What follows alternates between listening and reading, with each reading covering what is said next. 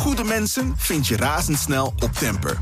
Plaats je shift op het platform en kies zelf uit duizenden freelance professionals op basis van hun ratings en skills. Van 1 tot 100 man, voor één shift of regelmatig, je vindt ze op Temper. Al vanaf 18,90 per uur. Temper, shift your workforce. BNR Nieuwsradio. De wereld.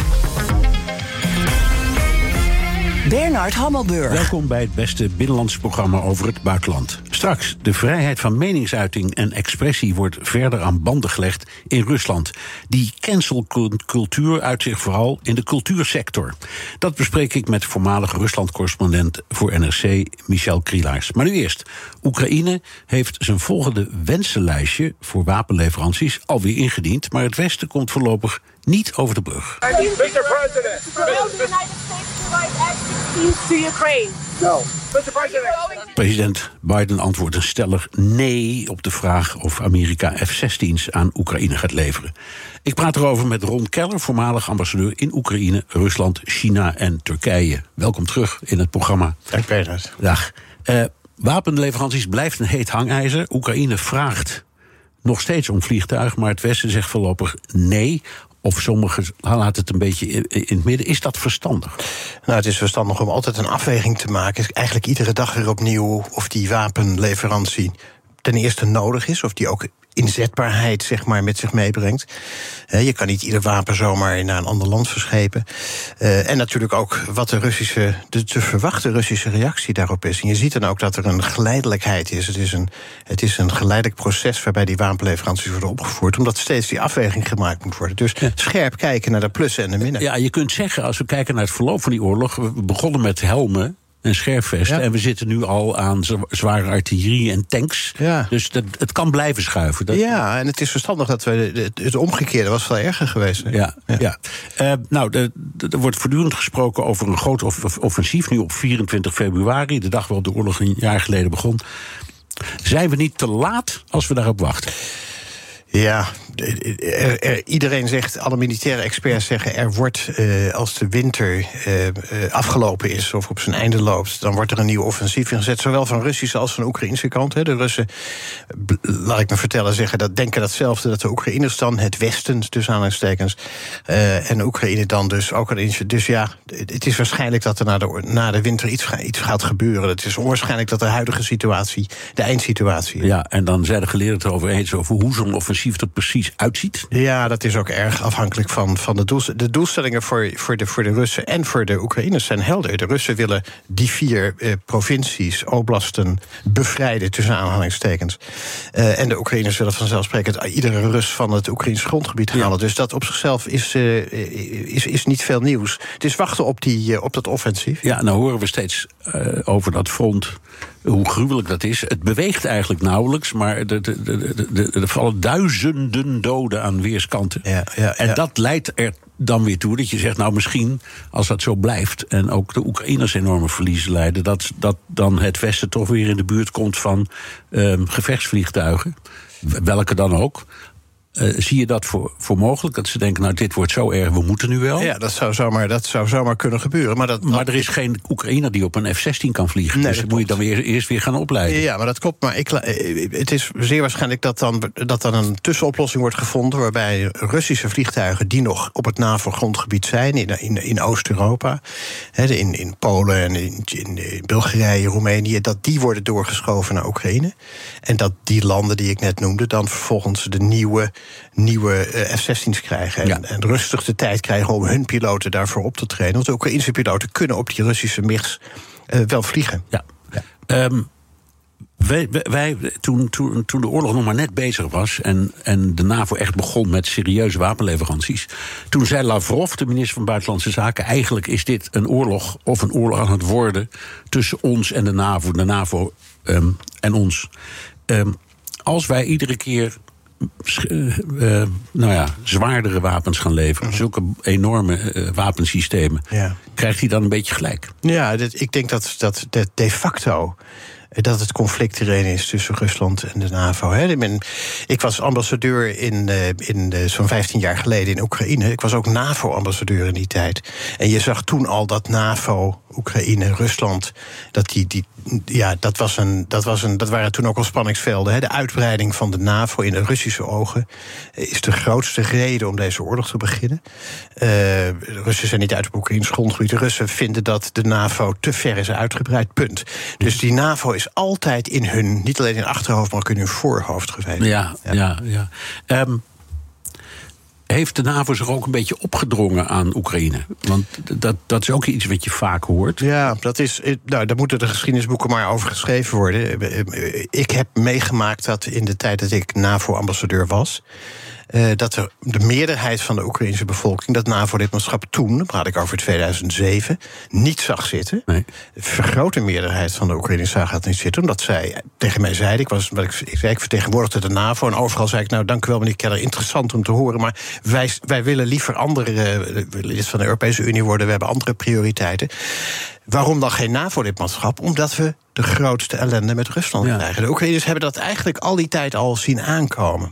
Hella Rottenberg, uh, oud-correspondent voor de Volkskrant in uh, Moskou, die schreef, heeft een boekje geschreven. Ik heb het nog niet gelezen, maar ik heb wel stukken overgelezen. Waarin uh, ze zegt: Het is helemaal niet waar dat het alleen maar ging om het oprukken van de NAVO. Dit is echt. Dit past in het beeld dat Poetin sowieso al had van zijn ambitie. Ja, deel, deel je die visie? Ja, dat klopt ook. Het is, het is, het is en-en.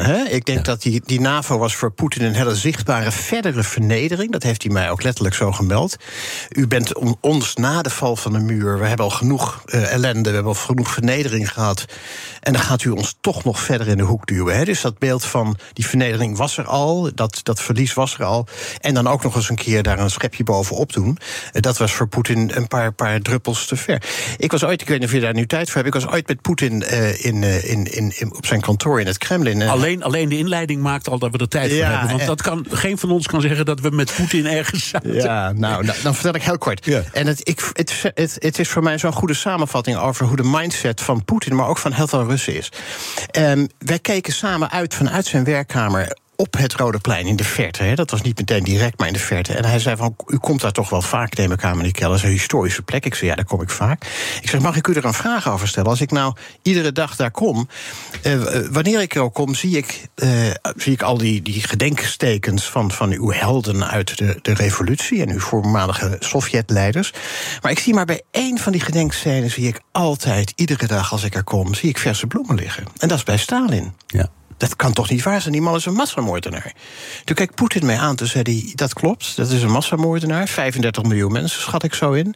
Hij zegt, maar beseft u wel waarom dat gebeurt? Ik zei, nou, dat is mijn vraag. Waarom leggen mensen daar verse bloemen? Toen zei die meneer Keller, dat is de enige periode in de geschiedenis van Rusland... en dan praat u dus helemaal vanaf het begin van het ontstaansgeschiedenis van Rusland... de enige periode waarin wij serieus werden genomen. Waarbij de wereld naar ons luisterde, reken, rekening hield met onze belangen.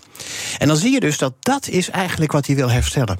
Um, en dat is, het gaat dus om aanzien. Het gaat om, ja, als supermacht vindt Poetin, moet je ook uh, je invloedssfeer kunnen uitbreiden en, en, en, en beheren. En dan moeten niet andere supermachten in gaan grasduinen. Zo ziet hij dat. Ja. ja. Um, strikt genomen baseren wij onze hulp niet zozeer aan het strijden tegen Rusland, maar het helpen van een vriend in nood. Zeker. Daarvoor ziet het handvest van de Verenigde Naties, artikel 51, ja. um, ook in. Ja. Um, dus je zou kunnen zeggen, ook met het opvoeren van de, de, de, macht en de kracht van die wapens, de slagkracht, doen we niks fout. We houden ons nog steeds daar aan. En toch krijgt iedereen. En toch krijg je het gevoel dat Lavrov wel een beetje een punt heeft. Nee, helemaal niet. Lavrov heeft geen punt. Um, um, het is natuurlijk totaal onacceptabel om. Zelfs al heb je geopolitiek uh, je zorgpunten, dan kan je daarover praten. Maar een oorlog beginnen is buiten iedere orde van, uh, van, van grootte. Dat, daar is geen twijfel over dat wij Oekraïne helpen en, en, en te hulp schieten en blijven helpen. Is voor mij ook, uh, staat als een paal boven water. Dat, dat moeten we als mensen, medemensen doen. Daar is geen twijfel over. En ook blijven doen? Ja, absoluut. Tot wanneer? Nou ja, tot het moment dat, dat beide partijen, of een van de twee partijen, maar in werkelijkheid zal het beide partijen zijn, uiteindelijk aan de tafel gaan zitten. En je hoopt natuurlijk dat dat voor Oekraïne zo'n zo gunstig mogelijke termen gaat gebeuren. Dat moment gaat een keer komen. Uh, dat kan zomaar een paar jaar duren. Dat kan zo, zomaar een hele tijd duren. Dus dat, uh, de, de, daar moeilijk over te speculeren hoe dan zeg maar, het, het, het strijdveld eruit ziet. Maar er komt een moment dat uh, de partijen aan tafel komen. Ja. ja. nog even een dingetje. Daar hadden Geert-Jan Haan en ik het. Geert-Jan is inmiddels aangeschoven, komen zo bij je. Hallo. We hadden het straks al even over. Um, dat, dat verhaal dat de.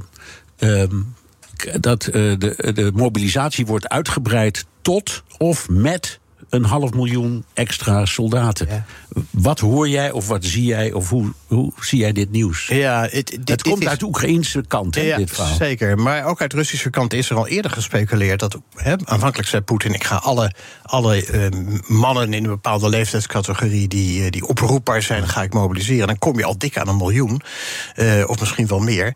Een half miljoen zou dan een bepaalde subcategorie zijn. Tot nu toe blijkbaar heeft, heeft Oekraïne er zo'n 200.000 extra opgeroepen. Hè, bovenop de, het beroepsleger dat, al, uh, dat er al was. Uh, ja, als je het opschaalt naar 500.000, dan is dat voor Rusland is dat duidelijk dat een signaal vanuit Rusland. Jullie meer wapens, dan zetten wij meer troepen in. Ja. Het, het, het past in het escaleren, het over en weer dreigen en het, het opschalen van je gevechtscapaciteit. Maar die moeten nog allemaal getraind worden. Overigens, dat geldt ook voor de, voor de wapens die wij leveren. Hè. We weten dat die niet onmiddellijk inzetbaar zijn. Dat dat geldt voor de tanks, dat geldt zeker ook voor de vliegtuigen. Ja. En dat geldt ook voor die 500.000. Dus ja, opschalen is nog steeds, escaleren van beide kanten is nog steeds de name of the game, helaas. Ja. ja. Uh, aangeschoven is ook uh, Geert-Jan Haan, uh, Europa-verslaggever. Geert-Jan, Yes. Um, eerst even dit. Uh, er is een persconferentie geweest nu net van uh, Finland en Zweden. Die zeggen we blijven samen. Dus we worden, het is samen uit of samen thuis. Ja. Um, is dat, uh, dat, dat, dat was eigenlijk te verwachten, maar er was in Finland veel twijfel over. Hè? En de Finnen hebben ook geprobeerd om de hele zaak een week of zes of acht uit te stellen. Ja, omdat Turkije uh, de bal bij, uh, bij Zweden leek uh, te leggen. Ja. En Finland op dit moment niet de problemen met Turkije had, relationeel. Om, ja, om te zeggen van, nou ja, dan worden wij geen lid van de NAVO. Want daar gaat het om. Hè. Turkije heeft een beslissende stem, net als elk NAVO-lid... in het wel of niet toelaten van Zweden en Finland tot Ja. de NAVO, tot de ratificatie. En voor Finland was het natuurlijk helemaal belangrijk... omdat ze ook gewoon zo'n enorm lange grens hebben met Rusland. Maar nu hebben Christensen en ehm Marien inderdaad op de persconferentie gezegd... eh, Ja. eh, we gaan er samen voor. Ja, um, uh, Ron Keller, jij was uh, ook uh, ambassadeur in, in, Turkije. Mm -hmm. Is dit niet gewoon een, de, de verkiezingscampagne van Erdogan? Ja, voor een deel is dat zo. De verkiezingen over een paar maanden. Dus dan wordt vanzelfsprekend de druk opgevoerd op dit soort dossiers. Um, maar er zit natuurlijk een, een, diepere agenda achter. En die agenda die onderschatten we wel eens. En dat is. Dat is het, het probleem dat Turkije heeft met de Koerden. Um, uh, en ook met de Gulen-beweging. Um, beide zijn voor, uh, voor de gevestigde orde in Turkije een uitdaging, laat ik het maar zo zeggen. Ik heb, uh, ik heb altijd gevonden dat we het Koerdische probleem van Turkije onderschatten. En het is, ik begrijp dat Erdogan probeert om, om, nu, om dit, he, dit NAVO-uitbreidingsverzet te gebruiken... om zowel de Koerdische opposanten als de Gulen beweging uh, te verzwakken. Uh, omdat het voor, voor beide, voor, voor hem en voor Turkije, uh, behoorlijke uitdagingen zijn. De Koerden voeren natuurlijk een onafhankelijkheidsstrijd. Um, daar moeten we wel reëel over zijn. Dit is, dit is niet zomaar iets. Er is heel veel geweld gaat daarmee gepaard. Um, en de vraag is, ja, wat vinden wij eigenlijk van die Koerdische opstandelingen? Hè? Wij, hebben als, als Westen zijn we wel eens, als ik dat mag zeggen, zijn we wel eens wat tweeslachtig. Hè? Als de, de Basken of de Catalanen zelfstandigen dan zeggen, ja, dat kan echt niet. Maar als de Koerden dat willen, dan hebben we daar wel enige sympathie voor. Dus ik snap heel goed dat Erdogan zegt, u meet met twee maten. Catalanen en Basken en IRA en zo, die worden als terroristische organisatie, ja. hè? De, de, ETA en zo. Maar de Koerden, de Koerden niet, die doen hetzelfde. Ja, ik laat even horen wat uh, um, uh, de, de, de secretaris-generaal zei, of Erdogan zei over die toetreding. Stoltenberg zei over uh, die uh, toetreding. We cannot let Putin win. This would show authoritarian leaders around the world that they can achieve their goals by using military force. Ja, en dat ging dan ook, dat was de aanleiding van deze hele affaire. Geert-Jan, um, hoe we hadden een conflict op ons continent. Ja, ja, ja, ja, ja. wie had dat ooit gedacht? Uh, Geert-Jan, um, uh, jij volgt uh, wat er allemaal gebeurt in Oekraïne met die, ik zal maar zeggen, top of, of, of showtop die er wordt gehouden van de, de, de Europese Commissie.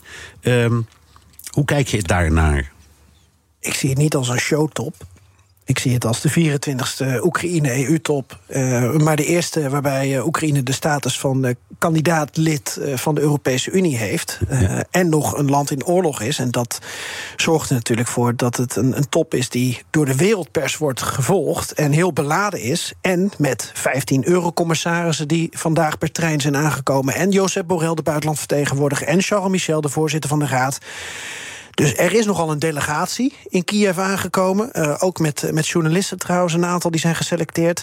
En ja, uh, met zoveel mensen had je misschien niet hoeven te komen. Dan kun je zeggen dat is meer voor ja, de bühne en de symboliek. Ik gebruik het woord show omdat uh, de, de New York Times en The Guardian allebei zeiden: het is, uh, nou ja, het is ook een beetje voor de bühne, dit hele gedoe. Maar nou, vind ik niet. Nee, maar ik schrijf ook niet voor de Guardian of voor de New York nee, Times. Maar wel voor BNN Nieuwsradio, zo is het. Oké, okay, uh, premier, uh, als ik het goed... Ik weet nooit of het goed is, van uh, Oekraïne. Ja, die, die, zegt dat zijn land binnen twee jaar lid kan worden van de EU. Um, Houdt hij zijn eigen volk daar niet een, enorme worst mee voor? Want de meeste woordvoerders van de EU zeggen, inclusief bijvoorbeeld Rutte, dat kan niet hoor, binnen twee jaar. Ja en nee. Um, uh, het, is, het is zoals eigenlijk alles in. Um, in deze oorlog en ook alles in de relatie tussen de EU en Oekraïne is het niet zwart-wit. Kijk, Oekraïners zijn ongeduldig. Uh, hebben ze altijd al in het karakter gehad, uh, grosso modo. Ze kunnen een grote mond hebben, ze kunnen zeggen wat ze willen. Ze zullen ook niet genoegen willen nemen met het antwoord dat inderdaad uh, niet tijdens deze showtop zal komen. Uh, namelijk, er zal niks worden gezegd over jullie worden binnen twee jaar lid. Maar er zal ook dus niet worden gezegd, het gaat nog decennia lang duren. Wat er gebeurt is, op dit moment ligt niet meer op tafel of Oekraïne lid van de EU wordt. Dat heeft uh, von der Leyen een uurtje geleden in de persconferentie ook gezegd in Kiev. Maar wanneer Oekraïne lid wordt. Kijk, en als de Oekraïners nu um, met brood en zout deze eurocommissarissen hebben ontvangen in Kiev. Iets waar Poetin een jaar geleden op had gehoopt. Um, dan zou je kunnen zeggen: ja, die Oekraïners die hebben nu allemaal het verwachtingspatroon dat ze binnen twee jaar lid worden van de EU. Nou, dat gaat niet gebeuren.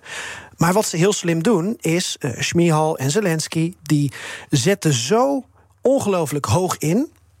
Die zetten dus twee jaar in voor een lidmaatschap tegenover die decennia die Emmanuel Macron beloofde. Ja, dan kan de EU en dan kunnen de lidstaten onder die enorme lobby, onder die enorme PR-campagne en uh, de gunfactor die Oekraïne heeft, kunnen ze bijna niet meer zeggen: oké, okay, het gaat inderdaad nog decennia duren. Dus dan wordt er weer een geitenpaadje gevonden om het hele proces toch misschien toch te versnellen. Ja. En dat is volgens mij wat er speelt. Denk je ook, Ron Keller, datzelfde? Um, en is het slim dat ze dit doen in, in Kiev om te beginnen? En, en zie je ook de tactiek die Geert-Jan hier beschrijft. Ja, ik snap, ik snap vanzelfsprekend. Ik, begrijp, ik, ik noemde al eerder dat toen ik ambassadeur was... dat men NAVO-lidmaatschap niet hoog op de agenda staan. Wel EU-lidmaatschap. Ja. Dat was een bijna consensus over. Dus de uh, Oekraïners willen dit al heel erg lang. Wij houden dat, uh, we houden dat af. We hadden dat proces veel eerder moeten starten. Maar dat is nu, dat is voor historici, dat is, dat is nu niet relevant. Op dit moment, ik ben het met Gertjan grotendeels eens. Dit is een, een, een, een hele belangrijke top ook weer. Een hele bijzondere bijzondere top. En, en het, is, het is er één in een reeks en het is er één in een heel ander daglicht dan een jaar geleden. Dus dit, uh, dit, dit is een proces dat in gang is gezet. Maar dat proces, daar moeten we realistisch over zijn. Ik vind het niet verstandig om te zeggen dat gaat nog decennia duren. Want je wilt de Oekraïners niet uh, ontmoedigen. Je wil nee. ook de hervormingsgezinde krachten. Want besef wel, het gaat niet even een paar corrupte uh, politici eruit gooien. Oekraïne moet een, een, verticale bestuurscultuur. Eigenlijk hetzelfde die Rusland heeft. En heel veel andere landen op deze aarde moeten een verticale bestuurscultuur veranderen in een horizontale. Dat ja. is de uitdaging waar men voor staat. Ja. Dus men wil die hervormingsgezinde krachten moeten een stimulans krijgen. Een worstje noemde het al, moeten een, een prikkel krijgen om te hervormen. En, en als je dan. En als je dan um op een bepaald moment sneller dan je dacht constateert dat, dat Turkije best voldoet aan die zogenaamde uh, criteria van Kopenhagen. Ja. Hè? Kun je dan zeggen, nou, dan kunnen we ook met de procedure wel een beetje versnellen. Dan hebben ze het ook verdiend. Over Turkije hebben we het nu weer over. Ja, nee, nou, nee, sorry, over, eh, over Oekraïne. Over ik, Ik- ik Oekra- versprak. Als men zegt, nou ja, dat is een Fre- Freudiaans bijna. Hè, want Ja. Turkije zit een beetje... Ja, die zit zelf voor. voortrek. Ja. Maar als het zo is dat de Oekraïne niet levert op, als het gaat om hervormingen... dan denk ik dat het verstandig is en voor Oekraïne en voor de Europese Unie... dat het proces langer gaat duren. Dat, nee, Oekraïne moet het wel zelf verdienen. Moet daar wel bij wel alle steun krijgen. Moet daar ook alle, eh, eh, hè, alle aanmoediging krijgen. Moet alle, alle financiële en morele steun, technische steun krijgen...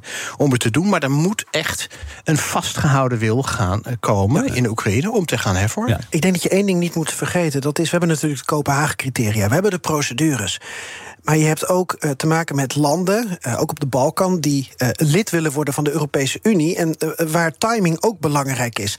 Volgens mij zijn de meeste Europese leiders het eens over het feit dat men wil dat Russische en Chinese en misschien ook Amerikaanse invloed op het Europese continent wat afneemt. Dat je je daartegen wapent. Wat zie je in landen op de Balkan? Die is ook zo lang zo'n worst voorgehouden. Het draagvlak om Europees te worden neemt wat af. En ik sprak gisteren een eh, eh, bestuurslid van de Raad van Bestuur van Naftogaz. Dat is een jonge vrouw, eh, voormalig staatssecretaris ook van Europese integratie. En eh, die zei eh, tegen mij via zo'n Zoom-call... jullie kunnen je niet voorstellen hoe fantastisch wij het vinden... dat jullie met zo'n delegatie langskomen. Het is een overwinning voor ons. Ehm, Ja, ja. Weet je, en die emotie dat ze nu lid willen worden, tuurlijk, je hebt procedures, moet je volgen. Maar timing is ook heel belangrijk. Je moet niet het draagvlak verliezen. Nog even, want we, we gaan snel door de tijd. Geert-Jan, eh, die, eh, die, eh, die top die is nog, die gaat ook nog door. Waar, waar ga jij de komende dagen, of vandaag, morgen, het meest op letten? Nou, de uitspraken van, van von der Leyen en Michel en ook Zelensky. Want ik ben heel benieuwd. Heel veel van dit soort toppen zijn natuurlijk van tevoren al bedacht. Eh, er zijn al joint statements, er zijn al eh, draft eh, verklaringen. De vraag is: gaat Zelensky, von der Leyen en Michel nog met weer iets ongeëvenaards verrassen op zo'n persconferentie? Of gaat von der Leyen toch weer iets te hard en met gestrekt been in, waar de andere EU-leiders van zeggen: van ja, mevrouw von der Leyen had het nou niet gezegd, die belofte kunnen we niet waarmaken. Dus ik denk, wie zoekt een beetje de grens op? Ja. Eh, kijk jij daar ook zo naar? Ja, ik, ik kijk daar ook zo naar. Het is een, het is een proces dat, dat voortgang moet vinden. Het, het gaat niet om procedures. Hè. Het, gaat om, het gaat om dat Oekraïne echt ook eh, eh, zeg maar dezelfde taal gaat spreken als de Europese Unie. Je, als je een basketballer lid van een voetbalclub wil maken, dat kan. Ja. Moet hij wel e- toch echt de voetbalregels eh, in zijn benen Ja, krijgen. ja, en hij moet ook weten hoe je met de bal omgaat. Dat is ook nog zoiets. Precies, hè. Niet ja. alleen de Nee, regels. dat kost dus tijd. Ja. Ja. We hebben het gehad over de- dit strijdgebied. We hebben het geha- gehad over Turkije. We hebben het niet gehad over het andere land waar jij hebt gezeten en veel van weet, China. Daar horen we eigenlijk heel weinig van. Ehm, we krijgen soms de indruk dat China er een beetje mee in de maag zit. Maar dan hoor je tegelijkertijd weer dat het bondgenootschap met Rusland wordt verstevigd. Ehm, hoe moeten we hier naar kijken? De, de Chinezen zitten hier eh, he- overduidelijk mee in hun maag. Dit, is, dit komt ze politiek en economisch helemaal niet uit. Eh, eh, hogere olieprijzen, energieprijzen, hogere importkosten voor, voor voedsel, voor energie. Veel van hun tweede zijderoute, hè, Belt and Road projecten die door Oost-Europa gaan, die in stukken zijn geschoten. Nee, dit is voor voor China. Het geeft extra spanningen tussen de, tussen de VS en het Westen met China.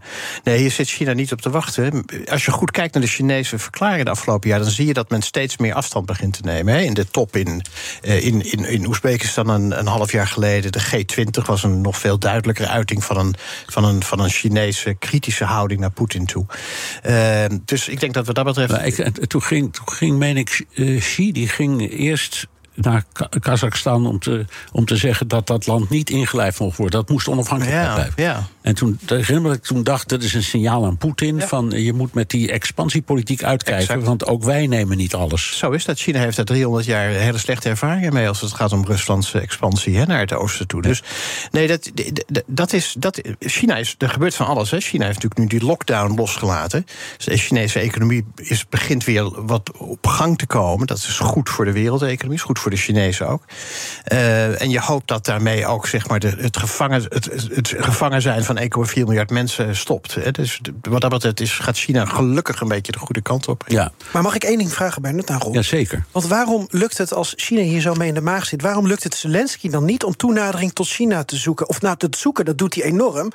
Maar hij krijgt helemaal geen contact met de Chinezen. Dat vind ik dan bijzonder. Nou, dat komt doordat de Chinezen 4000 jaar zich nooit met internationale zaken bemoeid hebben. Uh, door hun exportgeleide model de afgelopen 30 jaar op het wereldtoneel zijn gekomen. Maar eigenlijk tegen wil en dank. Niet om geopolitiek te bedrijven, maar om geld te verdienen. En uh, ik denk dat China zich niet in, in een of de andere kamp wil laten trekken. Nee.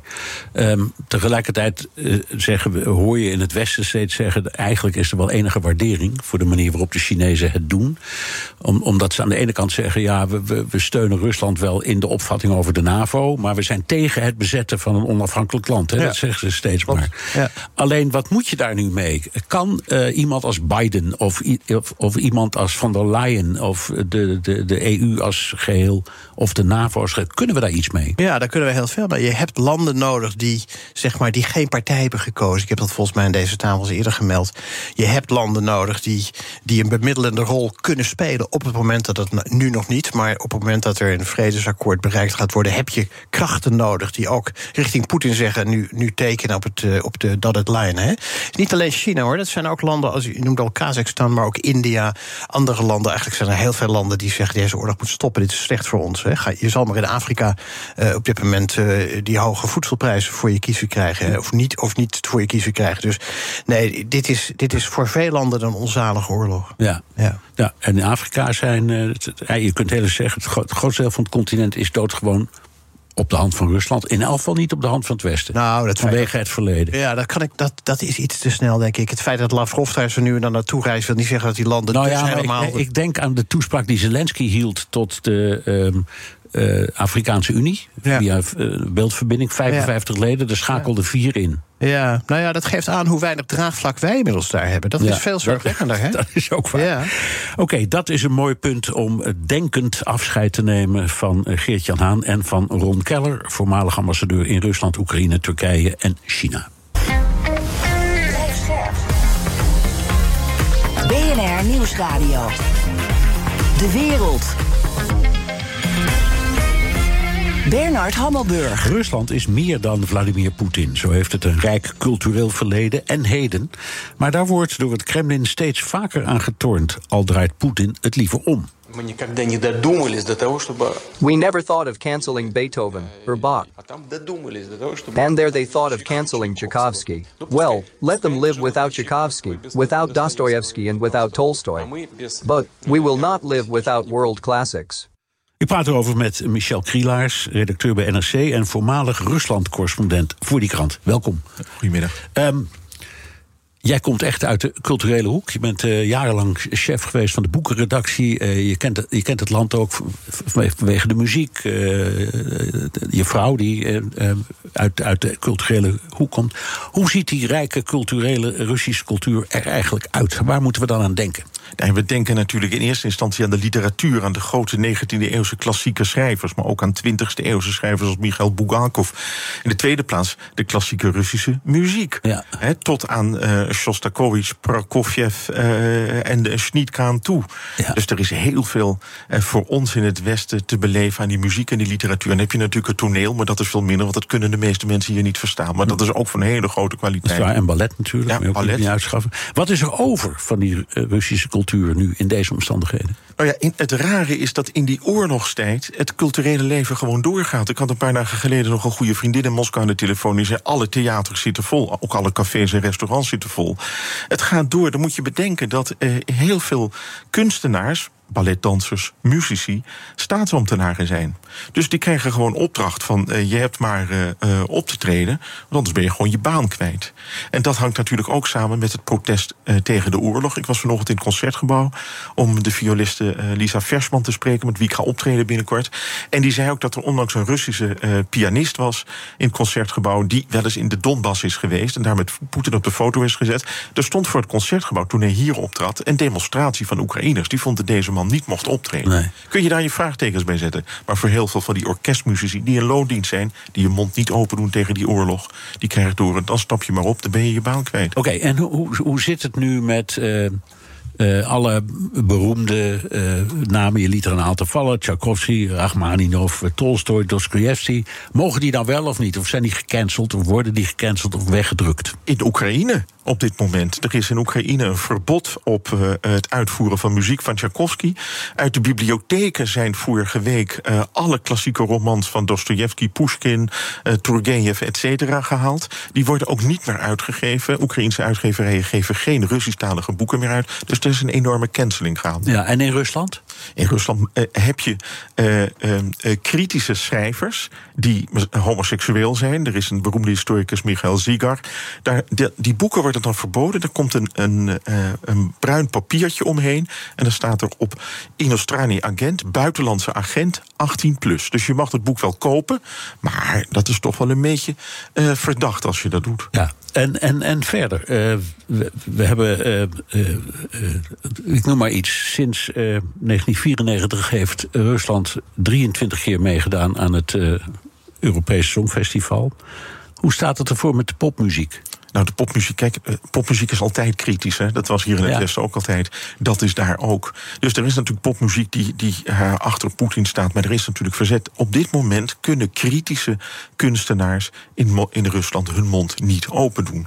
Dan belanden ze in het gevangen, zoals iedere burger die in het openbaar protesteert tegen, uh, tegen deze oorlog. En je moet niet vergeten dat heel veel kunstenaars, schrijvers, muzici, zijn gevlucht naar het westen. Ja, hoeveel inmiddels? Ik, ik las... Er wordt gezegd, ja. Medusa, dat is een internetkrant... Die ook, waarvan de redactie in Riga zit tegenwoordig, uit Rusland. En die hebben uitgerekend dat er een miljoen mensen... inmiddels sinds het begin van de oorlog naar het buitenland zijn. En, en er zijn vast veel mensen uit. Hoogopgeleide IT-mensen, kunstenaars, ja. schrijvers. Maar dat betekent, als je wil schrijven... moet je verschrikkelijk uitkijken wat je schrijft en hoe je het schrijft. Ja, er is, ik las vanochtend dat uh, Baris Akunin... dat is een hele beroemde detective-schrijver... een Joods-Armeense uh, schrijver... die miljoenen boeken per jaar in Rusland alleen al verkoopt. Die wordt ook verfilmd. Dat zijn naam nu van alle affiches van films is gehaald. En bij theaters. Dus die wordt uitgewist, net als in de Stalin-tijd. Ja.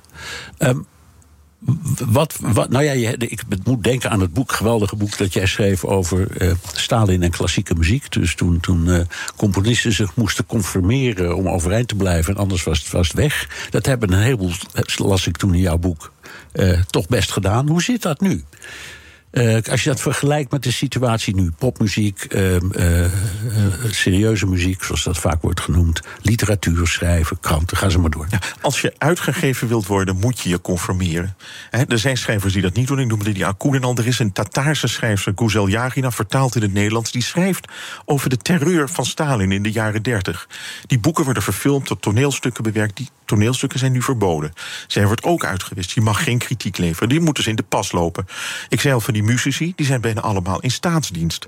Een dirigent als Gergiev, hè, terecht is die niet meer welkom in het Westen, want die staat gewoon samen met Poetin op de barricade over die oorlog te schreeuwen. Ja. Dus je hebt ook mensen die dat doen, maar het merendeel van de kunstenaar houdt zijn mond of past zich aan. Ja. doet een beetje denken aan de McCarthy-periode in, in Amerika. Hè? Toen, toen de schijn van uh, iets anders denken dan extreem rechts was al streng verboden en dan weet je gecanceld. En, en, iedereen is bang, dus iedereen loopt in de pas. Ja. Um, je had het er al even over Stalin en Oekraïne. Dan praat je natuurlijk meteen over de Holodomor, die, die enorme hongersnood uh, in de jaren 30 in Oekraïne. Wordt dat vergeten nu, als je praat over... Is, weten, weten ze dat niet meer? Nou, wij weten hier heel veel van die Holodomor. Het honger, kunstmatig gecreëerde hongersnood in de jaren 30 door Stalin. Maar in Rusland weten maar heel weinig mensen dat het heeft plaatsgevonden. Dat is altijd weggehouden uit de geschiedenisboekjes. En het wordt nu, werd tot voor kort met één regel vermeld. Maar nu is er helemaal geen sprake meer van. Die geschiedenis wordt al zo'n zeven jaar onder leiding van Poetin, die officiële geschiedschrijving, vervalst aangepast alleen maar in de richting van Poetins beleid geschreven. Maar het, het zou best kunnen zijn, het, het, had handig kunnen uitkomen... omdat het gevolg van die holodomor in Oekraïne was... dat heel veel mensen hebben gekozen voor het nationaal socialisme. En als hij zegt, ik strijd tegen nazi's... dan kan hij zeggen, dit moest ik aantonen. Zie je wel, zo zit het. Ja, dat is handig. Het voordeel van de propaganda, dat je het zo kunt omdraaien. Ja, ja. Maar dat, dat heeft hij dus nooit gedaan. Nee. nee. En dat is om Stalin te sparen in het narratief. Ja, kijk, hij wil natuurlijk. Uh, hij, hij, manifesteert. Hij is vandaag is de tachtigste herdenking van de slag bij Stalingrad. Ja, Poetin is daar.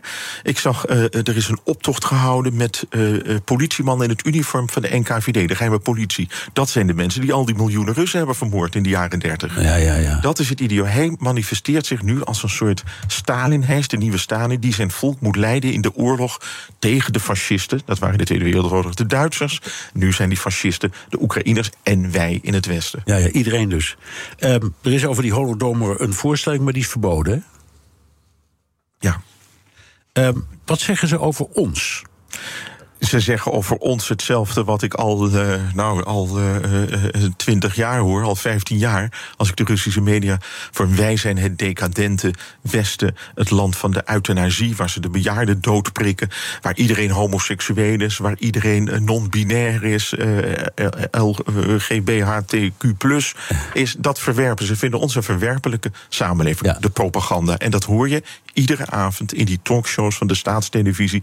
Wij worden verketterd. Vorige week met die Duitse tankleveranties aan Oekraïne zag je ook dat Scholz als een soort nazi werd uh, gefotoshopt. Die op een tank klom. De Duitsers, de beste vrienden van Poetin tot voor deze oorlog, worden neergezet als nazi's. Ja. En um, hoe, wat hoor je, hoe kijken ze naar. Um de, de acties van de, van de NAVO bijvoorbeeld. Hoe, hoe speelt dat in die wereld van intellectuele uh, kunstenaars, ga zo maar doen. Nou ja, kijk, de, de mensen die goed op de hoogte zijn, en dat zijn de mensen van de intelligentia vaak, die weten natuurlijk deksels goed wat er aan de hand is. Die volgen het nieuws op uh, via de VPN-verbinding. Die lezen nog wel eens een buitenlandse krant, als ze dat al, al kunnen. Er is een enorme kloof in die Russische samenleving. Mensen boven de 55 die alleen maar naar de staatstelevisie kijken, die de hele dag die propaganda horen, die bovendien nog een wens zijn de propaganda uit de communistische tijd. En die jongeren die deksels goed weten wat er aan de hand is. Dat zijn toch meestal de, de, de mensen in de kunstenaarswereld. En daarom hebben ze ook de benen genomen. Ja. Um, was. Um, want we hebben nu die oorlog en daardoor de, de, de, slechtere relaties met de buitenwereld, althans met het Westen. Dat is eigenlijk geen sprake meer van een relatie. Um, zagen die jongeren, die dus wel kijken en lezen en zien, dat niet aankomen? Het is heel wisselend. Ik denk dat het merendeel het niet heeft zien aankomen. Want de Russische samenleving kent geen maatschappelijk middenveld. Er is onder Poetin vanaf het begin van zijn bewind altijd systematisch iedere oppositie tegengewerkt. Mensen komen niet samen.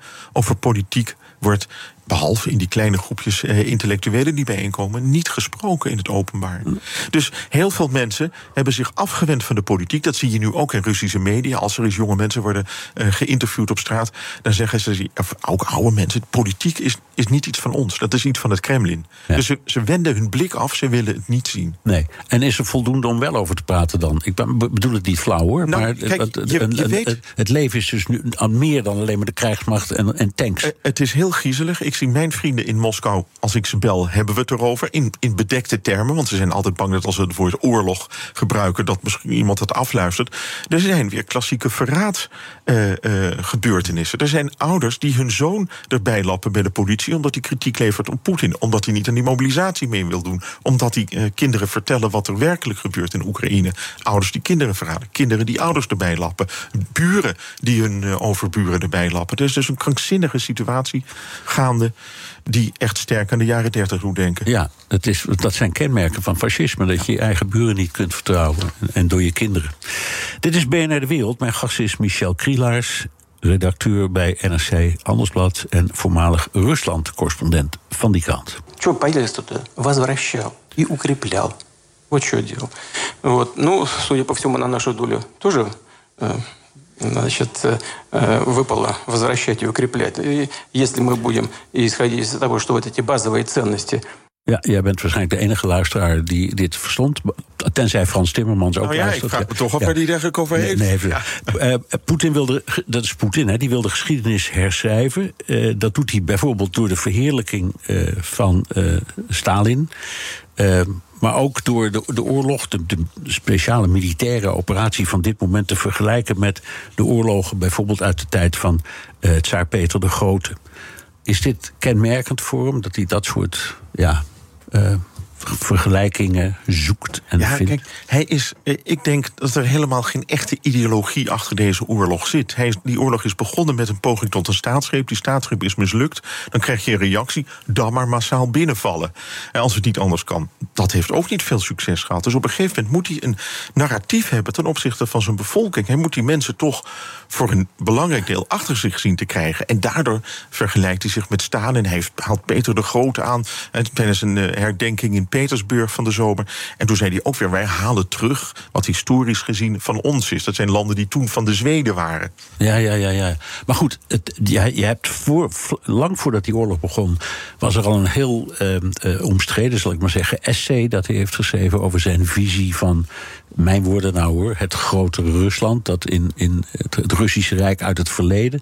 Dus het thema, daar, daar had hij het al vaker over. Ehm, en vanuit dat licht bezien is het niet zo dat hij uitvoerde waar hij altijd van heeft gedroomd, ook hiermee. Nou, jij zegt natuurlijk altijd: eh, het uiteenvallen van de Sovjet-Unie is de grootste ramp uit de, eh, uit de 20e eeuw. En, maar men vergeet dat hij in een andere bijeenkomst weer heeft gezegd dat iedereen die eh, zich niet kon voorstellen dat het zou gebeuren, gek zou zijn. Dus dat het wel moest gebeuren. Hij, hij maakt een verhaal om zijn politiek te rechtvaardigen. Ja. Ehm, Stalin is dus, eh, wordt op weer eh, ik zal maar zeggen, op de sokkel gehesen. Standbeeld is van hem onthuld Ja, vandaag. Ja, ja. Oh ja? Ja, in, de, in Volgograd, dat van ter gelegenheid van die herdenking in Stalingrad is genoemd. Ja, ja, ja. Ehm, hij zou daar trouwens ook een speech houden. Dat weten we nog niet precies hoe die. Maar de, de- iedereen zag er naar uit. Omdat eh, nou, we denken dat dat weer allemaal over naties gaat die Rusland bedreigen. Stalin is dus eh, ehm, weer heilig verklaard. En wie krijgt nou de schuld? Lenin? Van wat er Eh, mis is? Lenin heeft de boel eh, uit de hand laten lopen. Die heeft er eh, gezorgd dat het land uiteenviel. Dus eigenlijk wil Poetin heeft een soort grootheidswaanzin van terug naar het tsaristische Rusland toen we nog groot en machtig waren. Zo verkoopt hij het. Lenin krijgt de schuld. Stalin, die misdaden uit de jaren 30 tegen de menselijkheid, die worden helemaal niet genoemd. Het gaat vooral als Stalin als leider in die Tweede Wereldoorlog tegen de nazi's. En dan moet je ook vergeten, niet vergeten dat Stalin honderdduizenden soldaten, vaak zonder geweer, op die Duitsers afstuurde. Om te laten zien: we zijn met velen, jullie kunnen doen wat je wilt. En dat laten ze nu ook in die Oekraïne zien. Weer 100.000 man, weer 500.000 man. Ja, ja er was. ehm, nou, ik zeg het minder dan een jaar geleden, want dat moet wel. Toen de oorlog was al bezig. De toenmalige Israëlische eh, premier Bennett op bezoek. Eh, Van oorsprong een Amerikaan trouwens. En die is maar heel kort premier geweest. Maar daar zei Poetin eh, tegen: Wij zijn een heel groot land en we hebben heel veel geduld. Is, is, komt het daarop neer? Het had uit de mond van Stalin kunnen komen. Daar komt het op neer. Ja. We kunnen het eindeloos lang rekken. En op een gegeven moment zijn die soldaten bij die Oekraïners op. Ja, en wij, denkt hij, sneller. Ja. ja. Ehm, hoe werkt nou dat beleid wat hij voert? Want je zegt, ja, de, de, de jongeren die snappen wel hoe het echt zit. De ouderen luisteren en denken dat het allemaal wel klopt. Wat hij zegt, maar hoe komt dat nu in de haarvaten van de Russische samenleving terecht? Of komt het dat niet? Het komt daar helemaal niet. Ik denk dat de mensen. Kijk, de, de, de meest kritische mensen. eh, mijn collega Even Kukier, die in Moskou zit, die schreef onlangs een stuk dat er meerdere Ruslanden bestaan. Je hebt het Rusland van de twee grote steden, Moskou en Sint-Petersburg. Daar zijn die jonge mensen kritisch, die weten wat er gebeurt. Dan heb je het Moskou van de provinciesteden, daar weten ze eigenlijk helemaal niks. Het Rusland van de Caucasus, daar zijn ze allemaal met andere dingen bezig. Dus je hebt verschillende gebieden, Moskou en Petersburg, kritische steden. De meeste mensen die ik ken wonen daar. Ja. En die zijn allemaal tegen die oorlog, maar hun mond. Nee, maar dat geldt voor heel veel landen. Ik denk dat je. Amerika hetzelfde. Amerika hetzelfde, ja, precies. Daar heb je vier of vijf grote steden. En we, daar concentreren wij ons op. En dan denken we dat de rest van het land ook zo denkt. En voordat je het weet, heb je plotseling een president die je nooit verwacht. Hè. Dat, dat is een beetje hetzelfde. Ehm, hoe staat het nu, ook door de ogen gezien van wat ik dan maar noem de culturele elite? Met de populariteit van Poetin. Want daar hoor je ook steeds wisselende berichten over. Nog steeds hoog, niet zo hoog als hij was. Uh, hoe zit het? Nou, er wordt, er wordt door een redelijk betrouwbaar opiniebureau regelmatig gemeten. Ik geloof dat het nu ergens toch iets onder de 50 eh, procent is. Ja. Ik kan me vergissen, maar ja, in die culturele elite zijn de meeste mensen toch, eh, die behoren tot, tot de afkeurders. En dat zijn mensen die willen eigenlijk niks met Poetin te maken hebben. Van wij willen onze kunst eh, kunnen uiten. En dat kunnen ze nu niet. Nee. In vrijheid. Nee, maar goed, hij stond boven de 80 en rond 50 is dus al een behoorlijke. eh, doe. Boven de 80 ten tijde van de annexatie van de Krim. En dat heeft hij met deze invasie willen herhalen. En dat ging voor die invasie al heel slecht met die populariteit. Ja. En het is dus niet gelukt. Nee, nee. Ehm, nu, nu, nu weet een Rus beter dan wie dan ook dat oppositie van een klein, tamelijk kleine groep kan leiden tot een revolutie of een grote omwenteling. Hè? Ja, de renaissance is veroorzaakt door 13 man. De Russische revolutie misschien door 50 man. Precies. Het kan. Ja. Dat is, het is natuurlijk koffiedik kijken. Nee, nee, maar zo bedoel ik het niet. Maar hoe kijkt Poetin daarnaar? Nou, is dat de reden waarom hij zo verschrikkelijk inhakt op eh, de, eh, de culturele elite? Omdat... Ik, ik heb begrepen dat Poetin hem heel erg knijpt. Hij ontvangt bijna niemand meer. Hij heeft nog een paar vertrouwelingen, maar zelfs met hen spreekt hij niet. Dus hij is in zijn obsessie van die oorlog die hij moet voeren. Hij weet als hij die oorlog verliest, dan is hij weg. Misschien wel dood. Dus de, de, het is iemand die echt in het nauw zit. En dat maakt hem natuurlijk ook best een beetje gevaarlijk. Dat begrijp ik. Maar ik, het is een opmaat eigenlijk naar de vraag. Eh, je ziet dat ook in landen als Iran, waar het borrelt. Een totaal ander voorbeeld, maar toch. Waar is de stem van de redelijkheid in dit alles? Er zijn 140 miljoen Russen. Ja. Jij zegt zelf, in, in, in de grote steden hebben ze wel een beetje door hoe het zit. De mensen uit laten we zeggen, de culturele elite waar we het nu een beetje over hebben, die weten ook hoe het zit. Dat zijn er een heleboel. Het is niet een handjevol. Maar bedenk dat er 1 miljoen van die mensen vertrokken is naar het buitenland. En dat zijn de mensen van wie je het zou moeten hebben ja. op dit moment. Ja. En die proberen nu in Berlijn onlangs nog een soort conctie te vormen, een soort plan. Voorstel dat Poetin verdwijnt. Hoe moeten we het dan doen? Hoe kunnen we ons land regeren? Maar zelfs daarvan. En dan, dan komen ze terug als bevrijders. Zo'n beetje zoals Charles de Gaulle deed toen hij in Frankrijk uh, zijn triomftocht hield na de Tweede Wereldoorlog. Ik vrees toch altijd dat er uh, iemand uit die entourage van Poetin komt. En die kan dan zeggen: hij heeft het gedaan, wij niet. Uh, wij willen graag vrede sluiten. Ja. En dan gaan we weer verder. Oké. Nou, ik weet niet, eh, ik, ik wou je heel hartelijk danken. Het is niet echt een opwekkend verhaal, maar we begrijpen het weer een klein beetje beter.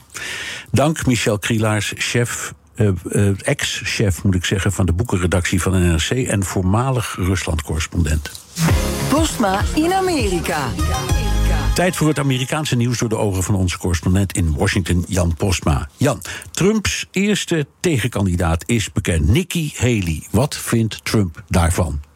Ja, 15 februari gaat het gebeuren. Dat is eigenlijk wel zeker dat ze dan die aankondiging uh, gaat doen. En zij is natuurlijk de voormalige gouverneur van South Carolina, Trumps ambassadeur bij de VN. We hebben het vaak over haar gehad, hè, ook in de Amerika-podcast. Ja, altijd een soort politieke rockstar hebben we dat wel eens genoemd, hè? Ja, precies, ja. precies. Zij is echt wel een, een spannende kandidaat, uh, zo uh, als tegensteven van Trump. Dus uh, interessant. En de reactie van Trump, want da daar let je dan op van... goh, wat zou die daarvan vinden? Voelt hij zich bedreigd? En dat is eigenlijk heel ingetogen op dit moment. Hij haalt zijn schouders een beetje op en zegt... ja, dan moeten ze dat maar doen.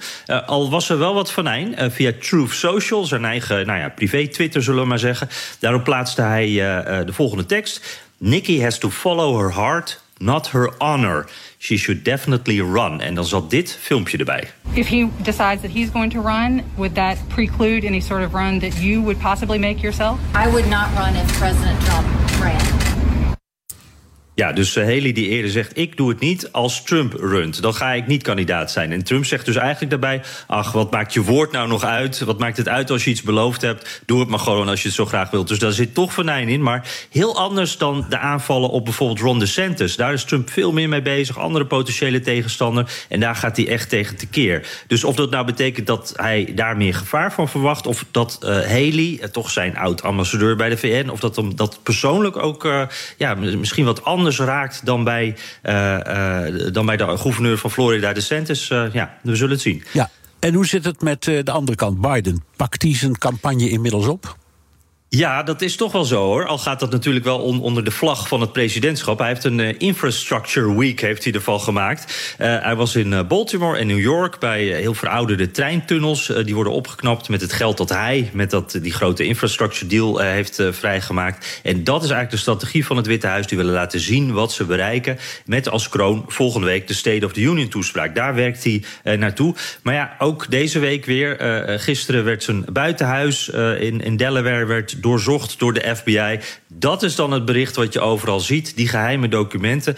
Dus ja, er is wel een beetje aandacht voor de dingen waar Biden het over wil hebben, maar toch weer die documenten op, Bernard. Nee, congresleden waren afgelopen week druk met prijskaartjes en wilden allemaal even laten zien dat ze nog hip zijn.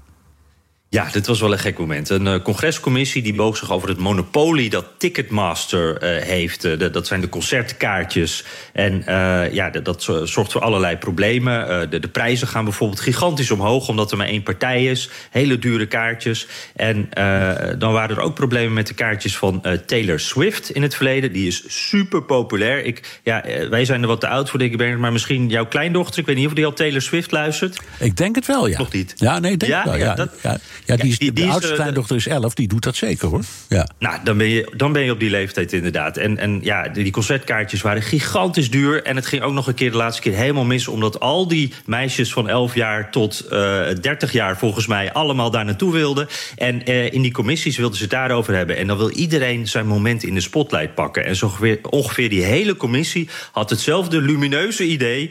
Uh, die stopte allemaal een paar regels uit een liedje van Taylor Swift in hun toespraak. I'm the problem.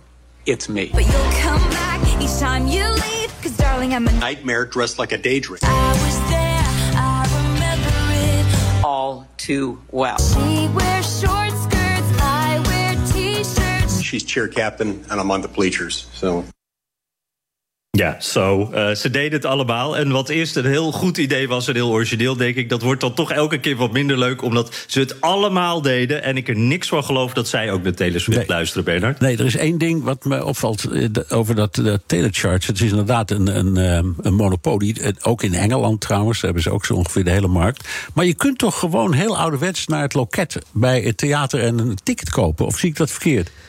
Nee, dat heb je, daar heb je helemaal gelijk in. Maar het probleem is, daar betaal je dus dezelfde prijzen. Uh, dat is ook allemaal gedomineerd door datzelfde bedrijf. En, en wat ze nu dus doen is... Ja. Ja, en als de prijs omhoog gaat, dan gaat. Of ik bedoel, als de vraag omhoog gaat, dat zie je bij Taylor Swift, Bruce Springsteen, echte uh, populaire artiesten, gaat de prijs dus ook omhoog. Dus je betaalt zomaar 400 dollar. Ja, ja nee, ik weet het uit ervaring. Want ik ben een tijdje geleden met mijn kleindochters en mijn vrouw naar de Rockettes geweest uh, op uh, mm. Rockefeller Plaza. En uh, ik, ik, ik, ja, ik moest de spaarrekening aanspreken, zou ik maar zeggen. ja. Och, ja. arme opa Bernard. Ja, viel niet mee. Goed, dankjewel. Jan Posma, correspondent in Washington. Wilt u meer horen over dat fascinerende land? Luister dan naar de Amerika-podcast van Jan en mij. En tot zover BNR De Wereld. Terugluisteren kan via de site, de app Spotify of Apple Podcast. Reageren kan via een mailtje naar dewereld.bnr.nl. Tot volgende week. Goede mensen vind je razendsnel op Temper. Plaats je shift op het platform en kies zelf uit duizenden freelance professionals op basis van hun ratings en skills. Van 1 tot 100 man, voor één shift of regelmatig, je vindt ze op Temper. Al vanaf 18,90 per uur. Temper, shift your workforce.